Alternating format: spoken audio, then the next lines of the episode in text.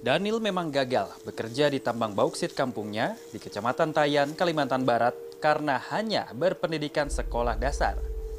Namun, ia masih bisa memanfaatkan kehadiran tambang itu untuk menambah ekonomi sehari-hari. Sejak tiga tahun terakhir, Daniel menekuni usaha kebun jambu kristal yang hasil panennya diserap para pegawai tambang bauksit yang bertebaran di sekitar kampungnya. Kalau jambu sih, ya kita kemarin tuh peminatnya banyak. Kenapa sih kita kita panen itu yang kuliah itu ada orang perusahaan juga, kadang keluarga, warga. Kalau sebulan itu kadang empat kali panen. Sekali panen itu sekitar 40 kilo gitu. Kalau untuk tambahannya itu ya sekitar sekitar 6 juta 6 juta lah gitu. Sebelumnya, Daniel dan sebagian warga sekitarnya hanya bisa bekerja di musim kemarau untuk menyadap karet. Namun, kehadiran tambang membuat mereka mendapat tambahan penghasilan di musim hujan. Yang untuk menjadi penghasilan utama kami yaitu yang dijual di reklamasi yaitu bibit pohon jambu hutan dan bibit LCC dan juga tangkus. Ada sekitar dua atau tiga jutaan, Pak. Jumlah tambang bauksit di Kalimantan Barat, termasuk Tayan, tempat kampung Daniel berada, memang cukup banyak. Ada 84 dan menyerap total sekitar 5.000 pekerja. Nah, kalau untuk operasional tambang ini yang yang bekerja langsung di kami sekitar 300-an orang. Itu adalah di luar mitra kerja kami yang yang menambang langsung eh, yang jumlahnya juga sekitar 300 sampai 400 orang. Itu adalah karyawan ataupun tenaga kerja yang uh, bekerja langsung untuk operasional penambangan. Tadi kita udah uh, ke area uh, apa namanya reklamasi, itu pun juga sangat menyerap tenaga kerja sampai 200 orang. Kemudian kita nanti akan ke smelternya, di smelter juga karyawannya mungkin hampir 1000 orang. Gitu. Indonesia memang kaya bauksit. Menurut Kementerian ESDM, cadangan bauksit di Indonesia mencapai 3,22 miliar ton.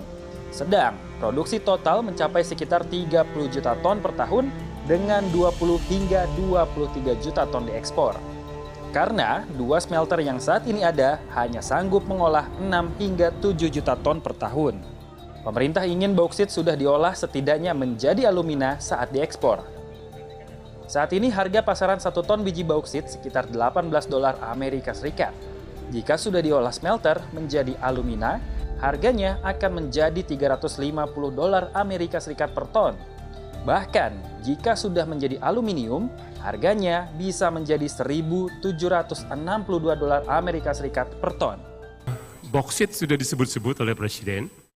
Uh, para pelaku boksit uh, Inalum ada yang hadir ya atau virtual mungkin harus siap-siap juga mau gimana gini langkah berikutnya. Kita sudah melihat beberapa rencana besar. Tapi dalam praktek lapangannya rencana besar saja tidak cukup mesti rencananya sampai detail gitu. Meski baru wacana, larangan ekspor ini sudah memancing kontroversi karena smelter masih terlalu sedikit Bahkan, proyek pembangunan smelter baru milik anak usaha Main ID berkapasitas 1 juta ton di Mempawah terancam batal. Hal ini karena China Aluminium International Engineering Corporation dan PT Pembangunan Perumahan TBK tidak mencapai kata sepakat. Bahwa Oktober itu final. Bila ada tidak titik temu, langsung pemutusan eh, kontrak akan dilakukan. Jika larangan ekspor biji bauksit dilakukan tanpa mempertimbangkan serapan dalam negeri, maka berpotensi terjadi penumpukan stok yang dapat berimbas kepada penurunan produksi tambang.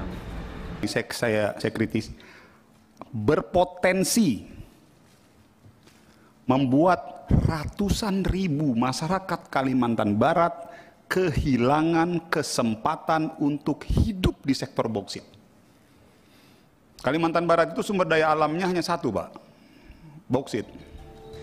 Pusat Studi Hukum Energi dan Pertambangan atau PUSHEP meminta pemerintah mempertimbangkan ulang wacana ini. Tetapi faktanya adalah sampai hari ini juga masih banyak terkendala beberapa semester terkait dengan peningkatan nilai tambah mineral. Oleh karena itu, termasuk smelter Mentawah di Kalimantan, bila hari ini terhambat, apakah ini akan... Ya, saya kira sangat berpengaruh baik secara keekonomian nasional maupun secara keekonomian daerah. Larangan ekspor biji bauksit secara dini juga dicemaskan bisa memicu pengurangan tenaga kerja serta berpotensi memperlambat perputaran perekonomian nasional dan daerah. Agung Happy, Maranata, Tayan, Kalimantan Barat.